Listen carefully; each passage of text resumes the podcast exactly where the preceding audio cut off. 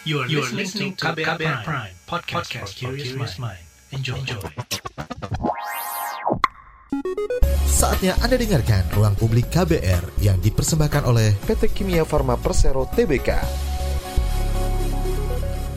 Halo selamat pagi, kita kembali berjumpa dalam ruang publik KBR yang dipersembahkan oleh Kimia Farma Dan hari ini bersama saya Rizal Wijaya, kita bahkan ngobrolin seputar menjaga daya tahan tubuh dengan imun booster. Nah di masa pandemi seperti sekarang ini, menjaga sistem imun ini tetap kuat gitu ya, supaya tetap kuat merupakan sebuah keharusan Sistem imun yang baik akan membantu tubuh supaya e, bisa menghadapi segala tantangan dari luar termasuk virus COVID-19. Dan selain memperbaiki pola makan dan juga merutinkan olahraga, mengonsumsi suplemen daya tahan tubuh atau imun booster juga diperlukan apalagi jika kegiatan sehari-hari terbilang padat gitu ya terutama bagi teman-teman yang mungkin uh, produktif gitu ya, uh, pekerjaannya ekstra luar biasa. Nah, dengan mengonsumsi imun booster ini, kebutuhan harian sejumlah kandungan yang diperlukan oleh tubuh dapat terpenuhi dan akan membawa efek yang baik bagi sistem imun tubuh. Nah, kira-kira apa saja ya kandungan vitamin yang dibutuhkan untuk meningkatkan sistem imun tubuh? Bagaimana tips memilih imun booster yang baik agar kebutuhan vitamin dan mineral sepenuhnya dapat tercukupi, sehingga bisa menunjang kondisi tubuh tetap prima sepanjang waktu. Baik, kita akan obrolin bersama narasumber saya yang sudah terhubung secara virtual pagi hari ini melalui aplikasi Zoom. Saya akan sapa terlebih dahulu Mbak Maya Apoteker Maya Sofia Suhendar, M-Farm selaku brand manager Fituno. Selamat pagi, Mbak Maya. Selamat pagi, Mas. Iya, sehat ya Mbak Maya ya? Sehat, alhamdulillah luar biasa, semangat. Semangat, semangatnya juga uh, saya tertular nih kalau uh, bertemu atau ngobrol langsung dengan Mbak Maya kayaknya menyebarkan virus semangat ya. okay. Kalau kita ngomongin soal uh, kesehatan, ini berkaitan erat sekali dengan yang namanya sistem imun, ya kan? Nah, kira-kira nih, apa sih fungsi sistem imun untuk tubuh kita sebenarnya, Mbak? Mungkin boleh dijelaskan terlebih dahulu sebelum kita masuk lebih dalam lagi ya. Oke, terima kasih Mas. Jadi dari tadi kan kita membahas pandemi, terus sistem hmm. imunitas, kemudian imun booster. Nanti ada kaitannya ada kaitannya nih satu sama lain dari pandemi apa, sistem imun apa, dan nanti terakhir uh, suplemen imun booster. Betul. Tapi kita harus pelajari nih dari atasnya dulu, dari hulunya dulu. Nah kita harus tahu dulu nih apa sih sistem imun gitu ya. Jadi kalau di dalam uh, ilmu kesehatan, fungsi dari sistem imun itu adalah di mana dia bisa melindungi tubuh mas terhadap gangguan internal atau paparan zat berbahaya yaitu dari eksternal. Jadi jadi sebenarnya kita sudah diberikan suatu sistem imunitas yang kuat di dalam tubuh kita gitu. Jadi dia bisa melindungi tubuh kita terhadap gangguan-gangguan eh, baik internal maupun paparan dari berbahaya dari eksternal. Itu mungkin meliputi dari mikrobiologi, kemudian virus dan lain-lain gitu. Jadi memang eh, kita sudah dibekali nih eh, oleh Tuhan Yang Maha Esa sistem imun yang cukup kuat gitu. Jadi fungsinya untuk melindungi tubuh kita gitu gitu mas. Oke, bisa disebut sebagai ketahanan tubuh kita ya, ketahanan tubuh Betul, manusia. Nah, ketahanan nah, tubuh kita. Ini setiap orang, setiap personal itu kan beda-beda gitu ya mbak ya. E, mungkin ketahanan tubuhnya si A dengan si B ini beda. Lebih kuat si A, terkadang lebih lemah si B. Nah, ini kira-kira cara menjaga sistem imun yang tepat supaya kita juga tetap uh, apa ya namanya imunnya bagus daya tahan tubuhnya tetap maksimal tetap optimal itu seperti apa mbak? Oke, bagaimana sih cara menjaga sistem imun yang tepat ya? Apalagi mungkin ya betul. Jadi masing-masing individu punya sistem ketahanan imun yang mungkin berbeda-beda ya, gitu sesuai dengan kondisi masing-masing. Nah, gimana cara menjaganya? Yang pertama tentunya kita harus mengisi uh, makronutrisi dan mikronutrisi ke dalam tubuh kita, yaitu alias makanan yang bergizi ya. Jadi kerja-kerja sel imun kita yang berkualitas itu membutuhkan makronutrien dan mikronutrien yang sangat bervariasi, Mas. Terutama seperti protein, vitamin A, B, C, D, E, zinc, asam folat, selenium, besi dan copper. Semua zat ini banyak didapatkan di makanan sehari-hari memang ya yang alami, terutama di hewan, sayur dan buah-buahan. Tetapi kurangnya salah satu nutrien akan mengganggu sistem imun kita. Hmm. Jadi suplemen ini dapat membantu kekurangan nutrien tersebut. Nah, tadi kan kita membutuhkan makro dan mikro ya. Betul. Kadang mungkin kita konsumsi makanan ada aja yang kurang nih, misalnya vitamin B-nya yang hmm. kurang hmm. atau misalnya vitamin E-nya yang kurang. Nah, makanya di sini suplemen bisa hadir mencukupi kebutuhan makro dan mikro. Lalu yang kedua, yang harus kita jaga adalah durasi dan kualitas tidur kita gitu ya. Durasi dan kualitas tidur malam yang baik. Itu yang baik 7 sampai 9 jam. Itu penting sekali untuk kesehatan imun gitu ya. Karena di malam hari itu hormon melatonin kita itu diproduksi gitu. Jadi ada antioksidan alami yang diproduksi pada saat malam hari. Sehingga, nah kalau misalnya diproduksi antioksidan, maka sistem imunitas kita juga semakin kuat. Lalu yang ketiga adalah olahraga dengan dosis yang benar dan teratur gitu ya intensitas ringan sampai sedang ya yang kita lakukan itu biasanya 150 menit per minggu terbagi misalnya 3 sampai 5 kali per minggu. Nah, ini juga bisa memperbaiki nih eh, penyakit-penyakit lainnya atau komorbid gangguan metabolik lainnya. Lalu yang keempat adalah uh, manajemen stres mas gitu hmm. gitu ya. Jangan stres-stres nih. Kalau stres-stres juga bisa menyebabkan misalnya keradangan gitu ya. Keradangan ini bisa melemahkan sistem imunitas kita gitu ya. Jadi sempatkanlah me time satu minggu sekali gitu ya. Jangan stres terus gitu ya. Pekerjaan seminggu gitu ya. Aduh pekerjaan di target di apa gitu ya. Mahasiswa mungkin dengan tugasnya. Jadi hmm. harus sempatkan me time nih mas. Dan yang kelima adalah hindari rokok dan alkohol. Karena kan kita tahu tahu ya konsumsi uh, rokok, konsumsi alkohol itu bisa mengganggu sistem imunitas kita, apalagi di saluran pernafasan kita. Nah, yang keenam adalah kontrol penyakit penyerta. Misalnya ada penyakit penyerta nih, misalnya penyakit degeneratif, diabetes yang harus terkontrol dengan baik, di mana dia harus tetap konsumsi obat-obatannya. Jadi kalau misalnya tidak dikonsumsi bisa menurunkan kerja dan kualitas sistem imunnya. Jadi harus diminum obat-obatannya dengan rutin dan kontrol ke dokter. Jadi tadi tipsnya mungkin uh, ada enam ya. Yang pertama mikronutrien dan makronutrien yang masuk ke dalam tubuh kita. Yang kedua dua, durasi dan kualitas tidur. Yang ketiga olahraga. Yang keempat adalah manajemen stres. Yang kelima hindari rokok dan alkohol. Dan yang keenam adalah kontrol penyakit penyerta. Oke. Okay. Gitu, Mas. Nah, ini menarik sekali ya. Eh, kita jadi ingat zaman dulu eh, ada yang namanya empat sehat lima sempurna. Ini untuk iya, melengkapi betul. nutrien kita seperti itu ya. Kira-kira Iya, betul. Ini kan eh, apa banyak sekali dari masyarakat kita yang mungkin ada yang sukanya makan daging atau ayam gitu ya, tapi nggak suka makan sayur. Nah, ini yang namanya nggak seimbang ini yang seperti ini gitu ya, Mbak ya? Atau gimana sih iya, sebenarnya? Jadi Iya betul betul. Jadi mungkin ada saja ya kita mungkin sudah makan buah, hmm. terus makan uh, apa proteinnya gitu, tapi ada saja yang kurang gitu. Jadi si suplemen ini bisa membantu mengisi yang tadi yang kurang-kurang ini gitu. Okay. Jadi sebenarnya kan kebutuhan vitamin kita sehari-hari juga harus dipenuhi dong Mas gitu ya. Uh, jadi kalau ada yang kurang-kurang ini kita bisa ditambahkan dengan suplemen gitu. Jadi tercover gitu ya sama suplemen ya. iya, ya. Oke. Okay. Nah, ternyata bukan hanya uh, asupan makanan ya yang dapat mendukung daya, tahan tubuh kita tapi juga pola tidur tadi disebutkan. Jadi apalagi kalau orang udah stres nih lagi putus cinta misalnya. Iya, habis, dip habis diputusin stres nggak bisa tidur. Ini bakal pengaruhnya luar biasa pasti ya. Sebenarnya nih uh, apa saja sih hal yang dapat membuat seseorang sistem imunnya itu menjadi menurun sih Mbak? Oke. Okay. Sebenarnya tadi kan sudah ada tipsnya. Mungkin hmm. dari kebalikan tadi sih. Mungkin yang pertama kan kurangnya gitu ya asupan makanan yang bergizi bisa saja ya. Karena sebenarnya kualitas sistem imun kita itu itu berkat dari makanan-makanan yang kita uh, konsumsi juga. Terus yang kedua misalnya durasi dan kualitas tidurnya yang kurang gitu. Karena misalnya stres karena pekerjaan, terus misalnya dikejar oleh deadline sehingga durasi dan kualitas tidurnya pun kurang gitu kan.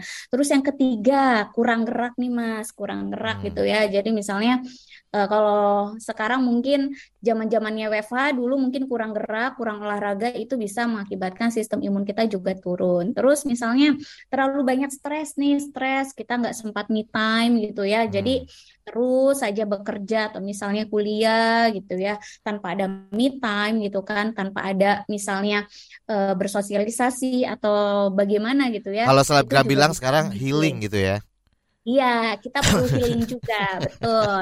Yang kelima mungkin banyak konsumsi alkohol dan hmm. merokok, itu juga bisa jadi. Yang keenam mungkin tidak rutin mengontrol penyakit penyerta itu gitu. Jadi memang yang tadi yang saya sebutkan tips-tips ini kalau misalnya tidak misalnya ada yang kurang aja itu bisa pemicu ke sistem imunitas kita jadi okay. melemah atau berkurang gitu atau kurang istirahat lah tentunya pasti ini kan menurun gitu. Baik. Nah, kalau berbicara soal mengontrol kesehatan kita, seseorang mungkin merasa dirinya baik-baik saja, sehat-sehat saja. Tetap saja harus uh, mengontrol secara rutin. Ini rutinnya seperti apa, Mbak? Berapa bulan atau berapa Oke, okay, yang tadi sebulan. mengontrol penyakit penyerta ini adalah penyakit-penyakit degeneratif sih biasanya yang oh, diabetes kayak gitu Mas. ya? Iya, komorbid. Jadi memang uh, sebaiknya itu terus kontrol ke dokter. Biasanya kan hmm. kan sebulan sekali ya. Ya kalau kayak gitu tuh sebulan sekali obatnya juga biasanya untuk satu bulan jangka panjang eh, jangka waktunya. Jadi sehingga ya harus tetap dikontrol, dikonsumsi obatnya juga. Tetapi boleh juga konsumsi eh, imun booster atau daya tahan tubuh untuk meningkatkan daya tahan tubuhnya. Tetapi tidak melupakan eh, apa namanya obat-obat yang sudah diberikan dokter untuk penyakit penyertanya. Baik. Kalau olahraga Mbak mungkin bi bisa dikasih contoh konkretnya nih buat orang yang paling males banget atau sibuk banget ya sampai nggak ada waktu buat berolahraga, kira-kira apa nih hal yang sederhana yang bisa okay. dilakukan? Hal yang sederhana kayak saya ya Mas, hmm. ya saya mungkin termasuk orang yang uh, jarang olahraga, tetapi diusahakan di rumah saya itu ada tangga, jadi bisa turun naik tangga, hmm. itu juga hmm. bisa kan turun naik tangga berkali-kali. Terus yang kedua mungkin sit up gitu ya di rumah. Jadi banyak hal sih di rumah yang bisa kita lakukan. Jadi jangan sampai kita tiduran, mager gitu ya. Hmm. Kalau misalnya Sabtu Minggu mungkin kita sempatkan nih untuk olahraga simple di rumah atau mungkin jogging jogging kecil di depan rumah itu juga bisa menjadi alternatif nih untuk teman-teman semua gitu. Jadi yang tadi ya kalau bisa intensitas ringan sampai sedang yang 150 menit per minggu terbagi mungkin 3 sampai 5 kali per minggu gitu. Bisa mungkin dilakukan pagi hari, mungkin setelah uh, selesai bekerja biasanya kan ada komunitas di kantor nih ya hmm. ya mungkin bisa badminton bisa misalnya voli dan lain-lain ya biasanya kalau di kantor saya nih juga ada komunitas nih uh, yuk setiap hari Kamis badminton nah hmm. itu bisa dicoba juga nih untuk teman-teman semua atau sobat fit yang ada di rumah. Oke, kalaupun misalnya uh, saking nggak sempetnya pagi-pagi bangun tidur subuhan terus habis subuhan terus keliling kompleks gitu ya Jogging. Iya, boleh jogging kecil gitu ya, Mas. Oke deh. Baik. Dan uh, terutama buat anak-anak kecil nih, edukasi terkait dengan uh, menjaga daya tahan tubuh juga perlu harus dilakukan terutama bagi orang tua seperti itu ya. Karena seperti kita ketahui ya, anak-anak kita banyak banget loh yang ketergantungan makan junk food misalnya. Gak usah iya, anak-anak ya, deh, kita aja masih ya.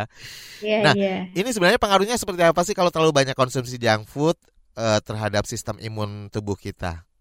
Oke, sebenarnya kalau junk food ini kesukaan semua orang ya, nggak anak kecil sih. Bener. Saya juga suka, Mas juga suka ya, kesukaan semua orang. Tetapi kita harus mengontrol, jangan sampai berlebihan kan. Sebenarnya junk food ini merupakan makanan yang rendah nutrisi ya, Mas. Beda hmm. dengan buah-buahan, sayur-sayuran, protein hewani seperti daging, telur dan lain-lain. Nah, bila dikonsumsi berlebihan itu akan mengakibatkan peradangan di tubuh, Mas. Jadi hmm. kekebalan tubuh kita akan diserang nih gitu kan oleh si makanan ini yang rendah nutrisi gitu ya.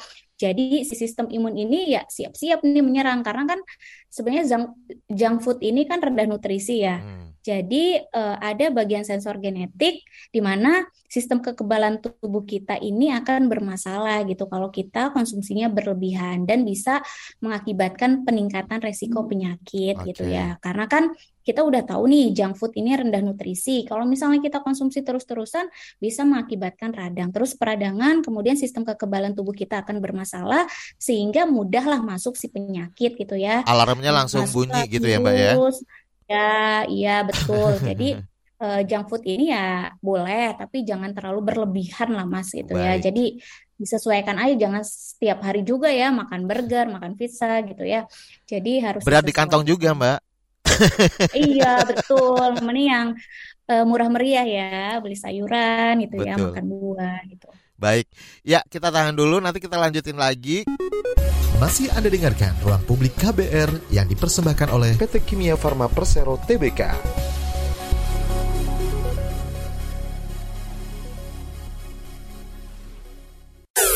Commercial break. Ada kesedihan, air mata, dan trauma. Namun ada juga gelak tawa, bahagia, dan rasa bangga. Cerita kehidupan manusia adalah perjuangan dan pembelajaran.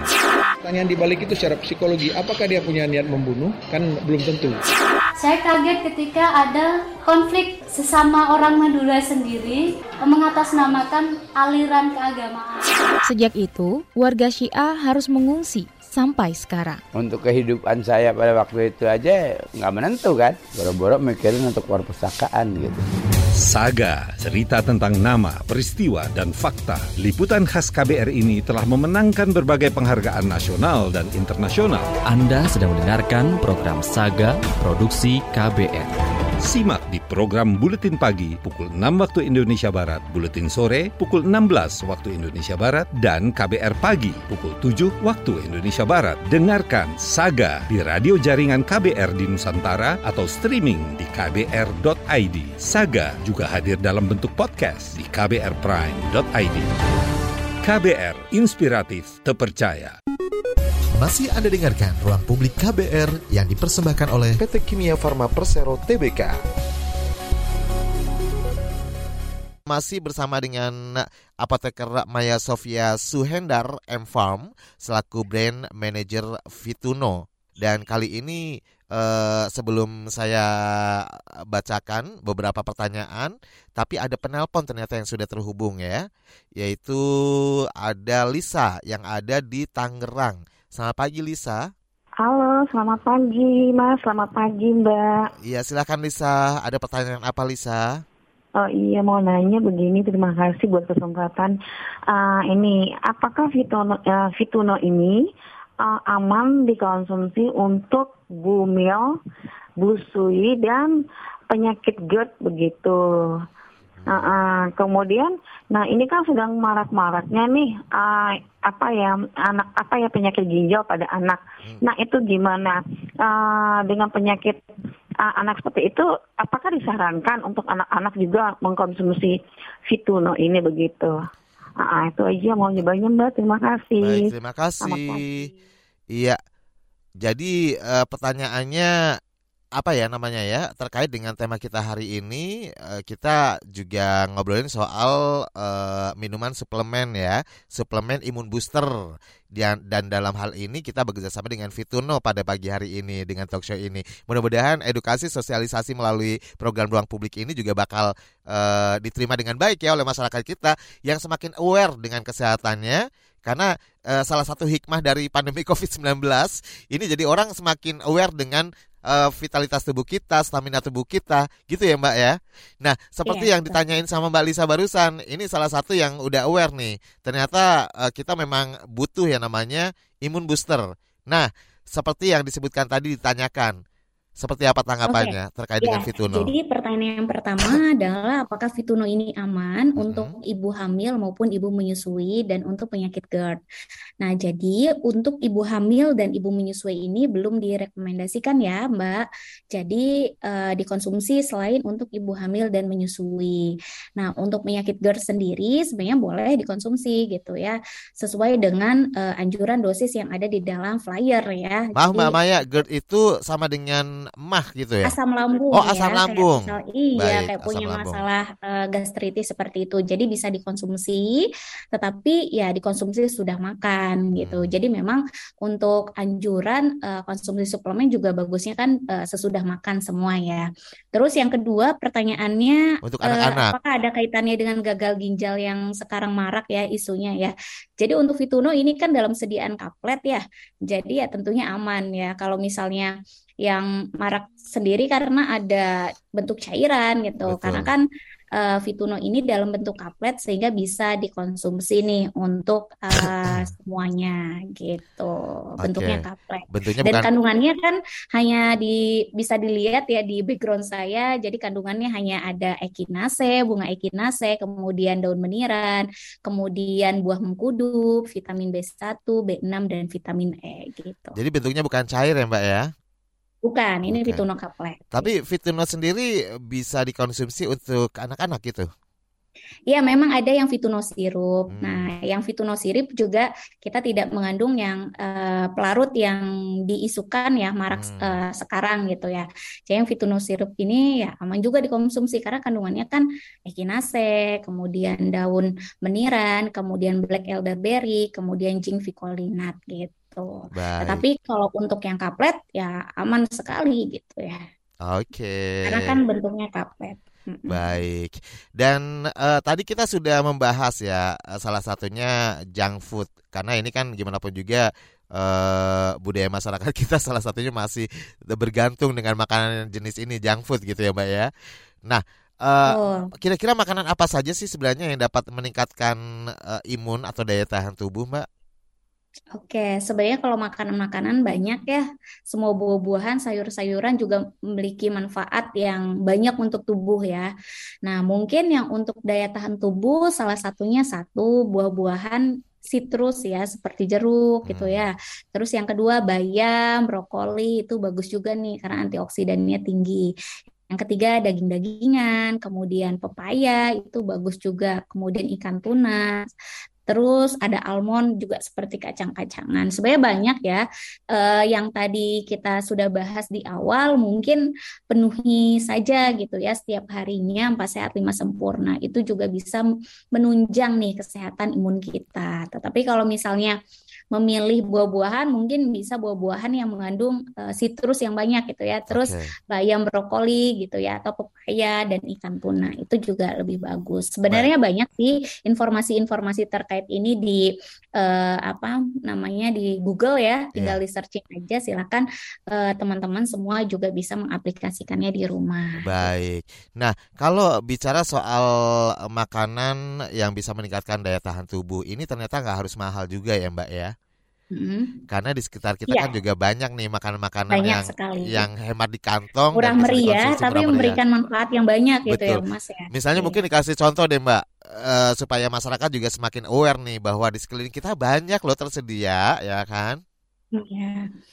Ya, mungkin kasih contoh. Jadi nyemilnya nyemil jeruk gitu loh, Mas, gitu Ah. ya. Terus kalau masak, masaknya banyakin bayam gitu ya, Kayak tempe bayam. gitu, tahu. Iya, tempe, tahu Ah. ya boleh gitu kan dari proteinnya. Terus daging, pepaya, tuna, almond itu juga bagus sih gitu. Jadi eh, sebenarnya murah meriah tapi memberikan impact yang banyak gitu ya. Betul. Kayak misalnya bayam kan eh, harganya juga ekonomi sekali gitu ya. Jadi bisa nih gitu ya untuk ibu-ibu semua atau teman-teman semua banyak konsumsi bayam nih di rumah gitu untuk meningkatkan daya tahan tubuh kalau dari sisi makanan. Dan bisa ditanam juga di rumah gitu ya. Iya, betul. Tanaman eh, ditanamnya juga kan eh, gampang ya, tinggal tanam terus eh, gampang tumbuh lah bayam Hmm. ini juga kan gitu. Tapi Bisa kandungannya luar gardening biasa. juga nih di rumah. Iya, betul. Jadi ingat dulu ada istilah apotek hidup gitu ya. Iya, betul. Oke. Toga, tanaman obat keluarga. ya. Nah, itu dia. Ini perlu dibudayakan lagi barangkali di masyarakat kita ya, supaya Hmm. kita juga semakin gampang mudah mencari eh, apa namanya makanan-makanan yang dengan kandungan tinggi seperti protein dan vitamin seperti itu. Baik, dan eh, tapi kan juga pola makan ini harus diatur ya, Mbak ya, tidak ngasal gitu kan makannya kan. Seperti apa sebenarnya pola makan yang baik agar imunitas tubuh kita tetap terjaga, Mbak? Yang pertama kita harus perhatikan komposisi makanan yang kita makan ya Mas gitu Hmm. ya. Komposisinya apa? Misalnya kita makan uh, buah, sayur, sayur seperti apa, buah seperti apa. Terus yang kedua nutrisi yang harus masuk ke dalam makanan kita itu kita harus pastikan dari proteinnya, karbohidratnya, lemaknya, seratnya, vitaminnya dan mineral gitu. Tentunya pasti kita harus memperbanyak konsumsi sayuran juga gitu ya, mengganti cemilan dengan makanan yang mengandung protein mungkin, kemudian memilih produk susu yang rendah lemak misalnya atau menentukan porsi makan nih jangan kebanyakan karbohidratnya, dibanyakin proteinnya atau sayurannya, buah-buahannya gitu ya.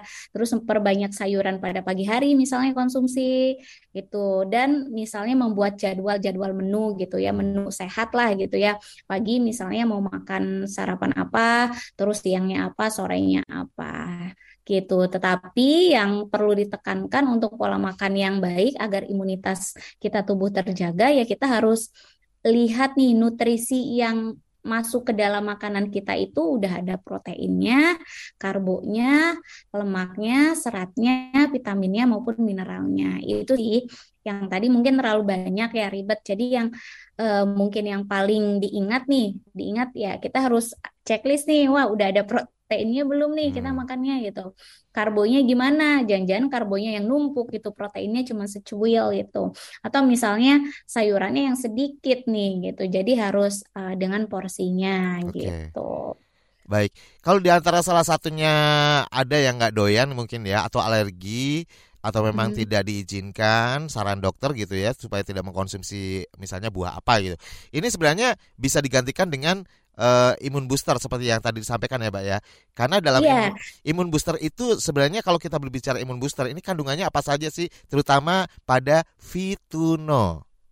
Oke, jadi memang kalau untuk imun booster ini, Mas, uh, Fituno ini adalah dia uh, suplemen yang hmm. kandungannya itu herbal gitu ya. Jadi ada tiga oh. kandungan herbal alami peningkat daya tahan tubuh. Nah, yang pertama tadi ada bunga ekinase, terus yang kedua ada buah mengkudu, hmm. terus daun meniran, terus ditambah juga kombinasi dengan vitamin, vitamin B1, vitamin B6 dan vitamin E. Gitu. Jadi kalau misalnya dirasa misalnya wah ini uh, apa namanya kurang nih makannya karena hmm. dikejar deadline atau seperti apa bisa ditambah juga suplemen imun booster untuk daya tahan tubuh meningkatkan daya tahan tubuh karena kan tadi ada tiga kandungan herbal ya hmm. yang bisa meningkatkan daya tahan tubuh kita. Oke, okay. nanti cari tahu lagi lebih dalam ya terkait dengan Fituno ini. Tapi jangan ke mana-mana, Anda tetap gabung bersama saya Rizal Wijaya di ruang publik KBR tentunya bersama apoteker Maya Sofia Suhendar M Farm selaku brand manager Fituno. Jangan ke mana-mana, tetap di ruang publik KBR. Masih Anda dengarkan ruang publik KBR yang dipersembahkan oleh PT Kimia Farma Persero Tbk. Hingga saat ini Anda masih gabung di ruang publik KBR bersama saya Rizal Wijaya dan tentunya kita masih membahas tema menjaga daya tahan tubuh dengan imun booster.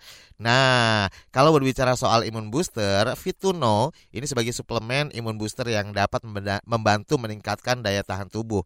Ini sangat dibutuhkan sekali ya, apalagi di masa pandemi yang sampai saat ini masih terjadi di seluruh dunia bukan hanya di Indonesia.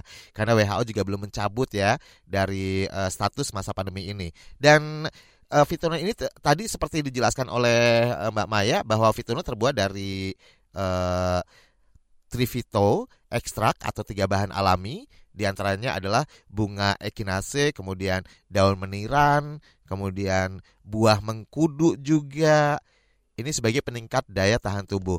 Selain itu juga kandungannya luar biasa. Ada kandungan vitamin seperti vitamin B1, kemudian B6 dan vitamin E yang tentunya bekerja memenuhi kebutuhan vitamin tubuh serta membantu tubuh tetap bugar.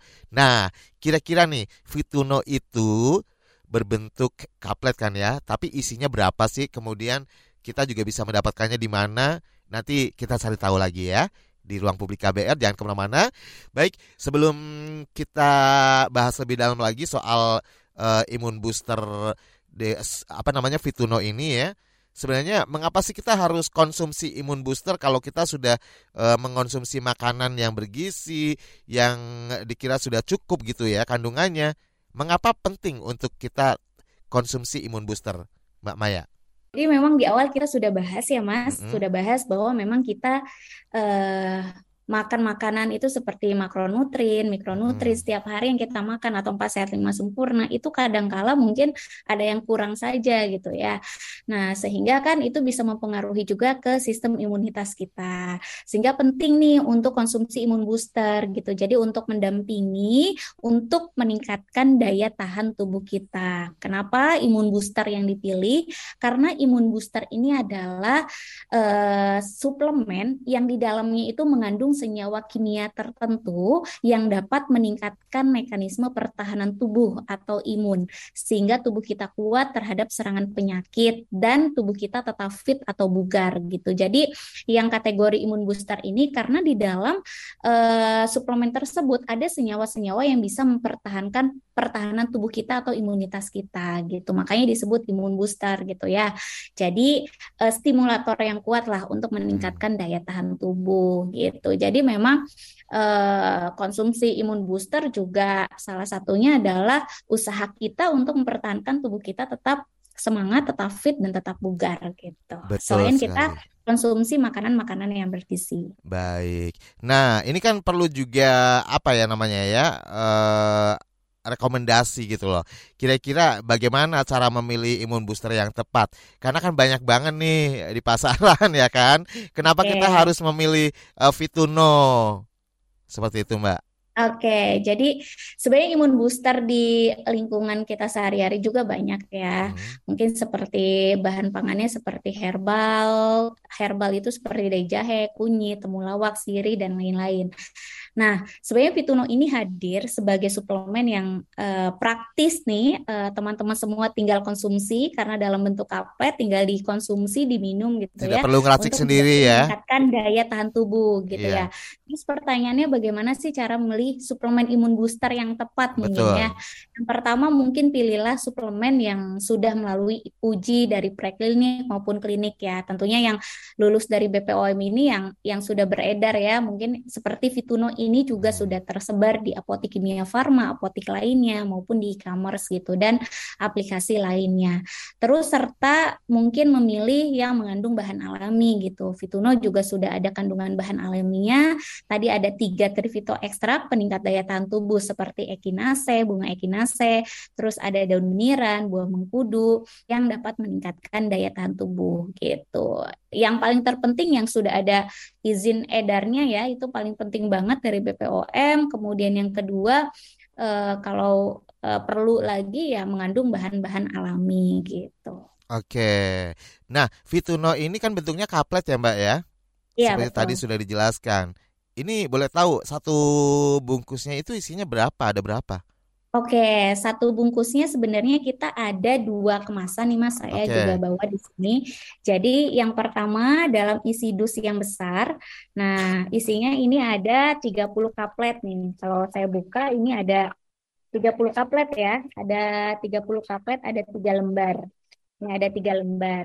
Ini ada tiga lembar satu dusnya.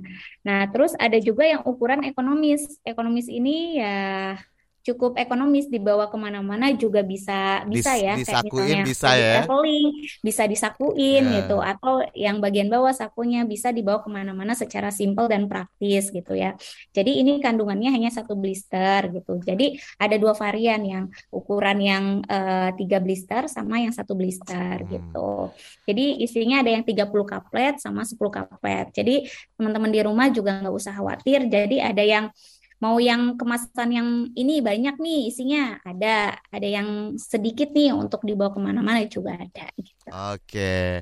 Dan saya juga selalu mengkonsumsi yang namanya Vituno. Vituno. Ini saya berarti yang kaplet besar ya Mbak ya ini ya? Ya betul Yang itu yang besar ya? kemasan yang besar. Yang kemasan ya. besar. Eh, Ya. Tapi si eh, apa namanya sama fungsinya gitu ya, baik yang besar maupun Sama yang fungsinya ya gitu. cuma Jadi ini jumlahnya membedakan. aja yang membedakan. Betul gitu.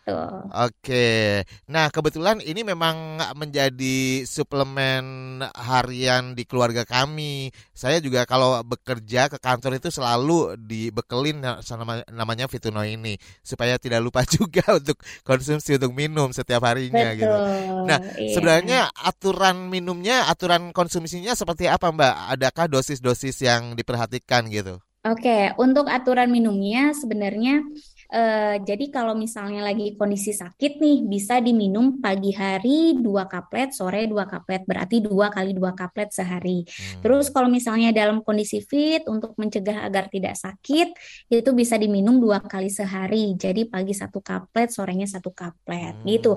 Jadi disesuaikan dengan kebutuhan tubuh kita, mas, gitu. Jadi kalau misalnya sakit, mungkin lebih banyak ya. Kalau misalnya kita lagi fit nih untuk mencegah ya dua kali satu gitu. Oke, lalu siapa saja nih yang uh, diizinkan atau boleh mengkonsumsi Fituno ini, Mbak?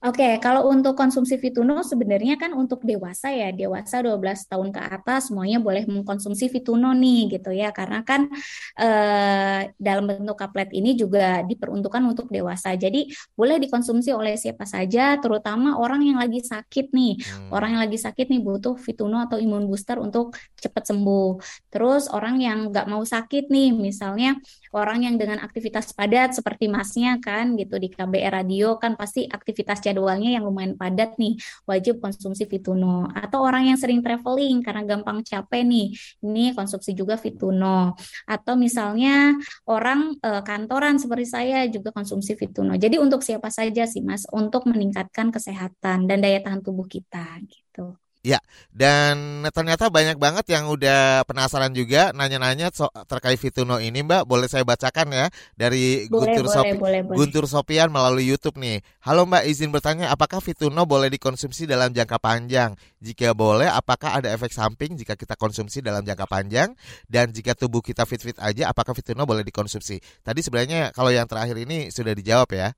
Sudah dijawab ya. Oke, okay, yang pertama boleh nggak dalam jangka panjang? Saya langsung jawab ya. Hmm, Jadi okay. uh, uh, Fituno ini karena bentuknya imun booster tadi kan, imun booster ini peningkat daya tahan tubuh yang uh, cukup cepat nih, stimulator yang kuat.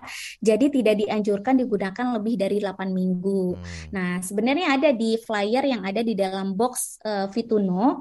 Jadi di dalam box ini biasanya ada flyernya, ada flyernya seperti ini mungkin yang bisa dibaca. Jadi untuk uh, jangka panjang tidak dianjurkan digunakan lebih dari 8 minggu, otomatis dua bulan ya. Tetapi boleh dikonsumsi dikonsumsi lagi setelah dijeda misalnya uh, tiga hari atau satu minggu gitu. Nah itu boleh dikonsumsi lagi gitu. Jadi uh, ada jedanya sih mas untuk konsumsi imun booster ini. Tetapi memang yang paling cepat untuk meningkatkan daya tahan tubuh okay. gitu. Baik, saya lanjut lagi ada Randy Octavian. Mbak, apakah kalau misalnya anak saya yang konsumsi Vitono yang rendah laktosa, apakah kebutuhan kalsiumnya akan tetap tercukupi? Dan kalau misalnya tidak, kapan saya harus memberinya tambahan asupan tuh Mbak untuk kalsiumnya? Silakan. Oke, nah kalau kasus-kasus tertentu mungkin bisa didiskusikan eh, atau dikontrol dengan dokternya ya Mas ya. Untuk yang Fituno ini, kalau yang tadi apa Mas? Yang rendah apa Mas? Rendah Sorry. laktosa. Oh, rendah laktosa. Dia kekurangan laktosa berarti. Hmm. Atau bagaimana nih pertanyaannya tadi? Apakah Sorry, kalau misalnya anak saya yang konsumsi Fituno ini yang rendah hmm. laktosa gitu, apakah kebutuhan kalsiumnya akan tetap tercukupi? Mungkin anaknya okay. rendah laktosa. Oke. Okay. Kalau untuk yang uh, kebutuhan yang tadi diperlukan oleh Mas penanya itu Randy. mungkin uh, ya menggunakan vitamin-vitamin suplemen-suplemen yang uh, khusus untuk memenuhi defisiensinya. Seperti tadi kalsium butuhnya kalsium berarti uh, konsumsilah yang vitamin yang ada kalsiumnya lebih banyak gitu ya. Kalau untuk Fituno ini lebih ke imun booster atau daya tahan tubuh gitu ya. Jadi disesuaikan dengan defisiensinya, kekurangannya apa gitu. Nanti dicari juga gitu. Kalau untuk Fituno ini kandungannya vitamin B1, B6 dan vitamin E. Jadi mungkin bisa ditambahkan dengan khusus vitamin yang kekurangan tadi misalnya kalsium. Carilah vitamin yang kandungan vitamin kalsiumnya cukup tinggi gitu. Baik. Masih Anda dengarkan Ruang Publik KBR yang dipersembahkan oleh PT Kimia Farma Persero Tbk.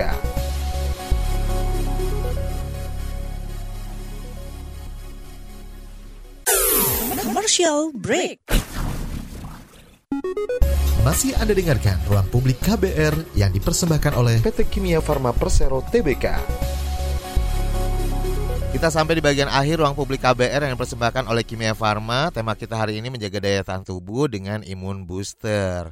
Dan lagi-lagi kita mesti ingetin lagi ya selama masa pandemi ini yang namanya menjaga daya tahan tubuh ini menjadi sesuatu yang penting sebenarnya bukan hanya di masa pandemi, di luar pandemi juga tentunya kita harus tetap menjaga daya tahan tubuh gitu ya.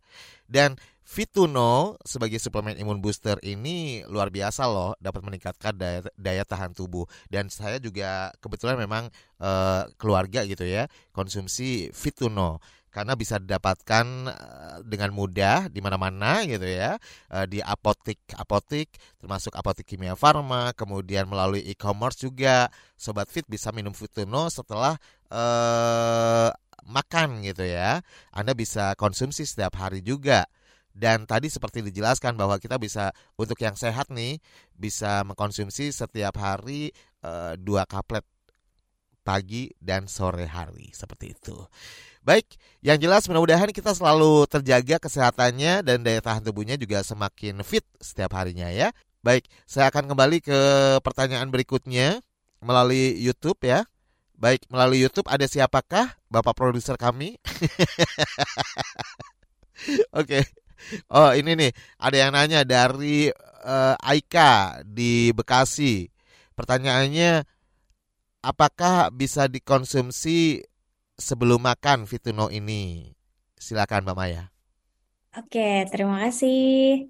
Ya untuk fituno ini baiknya dikonsumsi sudah makan ya, tetapi memang kalau eh, mau dikonsumsi sebelum makan sebenarnya bisa saja, tetapi lebih amannya dikonsumsi setelah makan gitu. Jadi bagusnya sudah makan, kemudian diimbangi dengan minum air putih yang banyak ya. Hmm. Baik. Nah, kalau harganya sendiri berapa nih Mbak setiap ini bungkusnya? Oke. Okay. Ini perlu nah, tadi kan juga. Uh, kita sudah bahas ya ada dua varian ya untuk kaplet ini ada yang ukuran uh, isinya 30 kaplet, satu lagi yang 10 kaplet. Nah, sebenarnya harga di apotik ini juga beda-beda nih, tergantung biasanya ketetapan harga uh, di apotik tersebut. Nah, cuman di range harga kalau yang uh, isi 30 kaplet di range harga 140.000 sampai 150.000. Nah, kalau misalnya yang isi 10 kaplet di range harga 46.000 sampai dengan 50.000 gitu.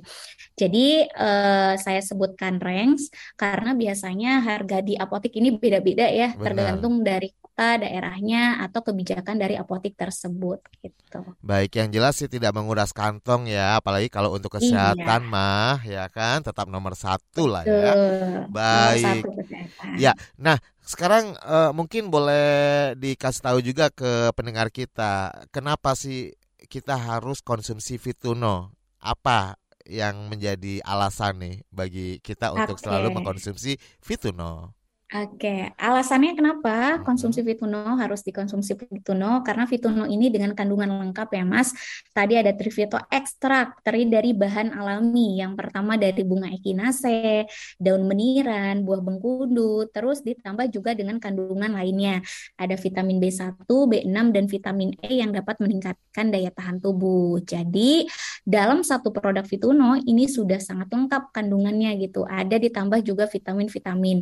Sehingga Fituno ini bisa dijadikan konsumsi suplemen sehari-hari untuk meningkatkan daya tahan tubuh untuk teman-teman semua atau sobat fit Paman. yang ada di rumah. Oke. Okay. Gitu. Harganya ya cukup ekonomis ya. Tadi kan ada yang uh, isi 10 kaplet dan uh, isi 30 kaplet. Gitu. Baik. Nah, buat masyarakat nih yang pengen tahu informasi terkait Fituno ini bisa didapatkan di mana saja, Mbak? Oke, untuk informasi lebih lanjut terkait produk Fituno itu sebenarnya bisa diakses di sosial media kita. Kita juga ada di Instagram bisa di follow nih untuk sobat fit yang ada di rumah di Fituno KF, kemudian di Facebook di Fituno KF, kemudian di website kita di fituno.co.id gitu. Jadi bisa diakses di sosial media kita, Instagram ini banyak juga eh, apa namanya informasi-informasi kesehatan, kemudian ada kuis, ada giveaway gitu. Jadi sobat fit yang ada di rumah juga jangan ketinggalan informasi yang menarik nih dari Fituno gitu ya. Terus di website kita banyak artikel-artikel terkait kesehatan yang mungkin bisa dibaca oleh sobat fit hmm. semua di fituno.co.id. Penting gitu. banget karena sekarang kan di masa di era digital sekarang ini segala informasi bisa masuk gitu ya Mbak ya. Apalagi informasi yang mengandung berita hoax gitu. Ini sangat membahayakan bagi uh, kita. Makanya kita mendingan langsung saja akses di websitenya uh, Kimia Farma seperti itu ya. Ya, di Kimia Farma maupun di uh, akun Instagram dari Fitunonya sendiri Baik. yang tadi. Ya. Ya, jangan lupa untuk di-follow. Siap. Dan kira-kira apa nih harapan ke depan Mbak dengan adanya Fituno bagi kita semua terutama di masa pandemi COVID-19 yang masih ada seperti sekarang ini? Harapannya eh, sobat fit yang ada di rumah, di mana pun berada, yang lagi bekerja, yang lagi kuliah, atau misalnya yang lagi di rumah aja, ini tetap fit dan bugar gitu.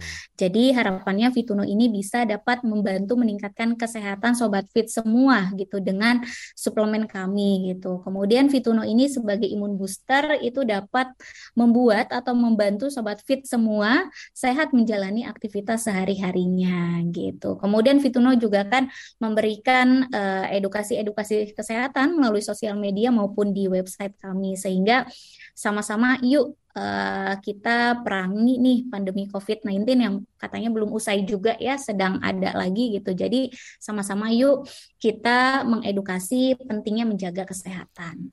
Baik, salah satunya juga melalui talk show ruang publik pagi hari ini ya Mbak ya Betul. kerjasama KBR dengan Kimia Farma dengan Fituno. Oke, Mbak Maya terima kasih sekali atas Terima kasih informasinya banyak, yang sudah di-share. Mas. Ya, mudah-mudahan bermanfaat. Terima kasih. Sangat bermanfaat sekali. Jangan lupa ya untuk Anda tetap konsumsi eh, Fituno biar tetap Stay fit. fit karena Yes. kamu terlalu penting untuk sakit. Sip. Dan saya Rizal Wijaya harus mengucapkan terima kasih. Salam. Baru saja Anda dengarkan Ruang Publik KBR yang dipersembahkan oleh PT Kimia Farma Persero Tbk.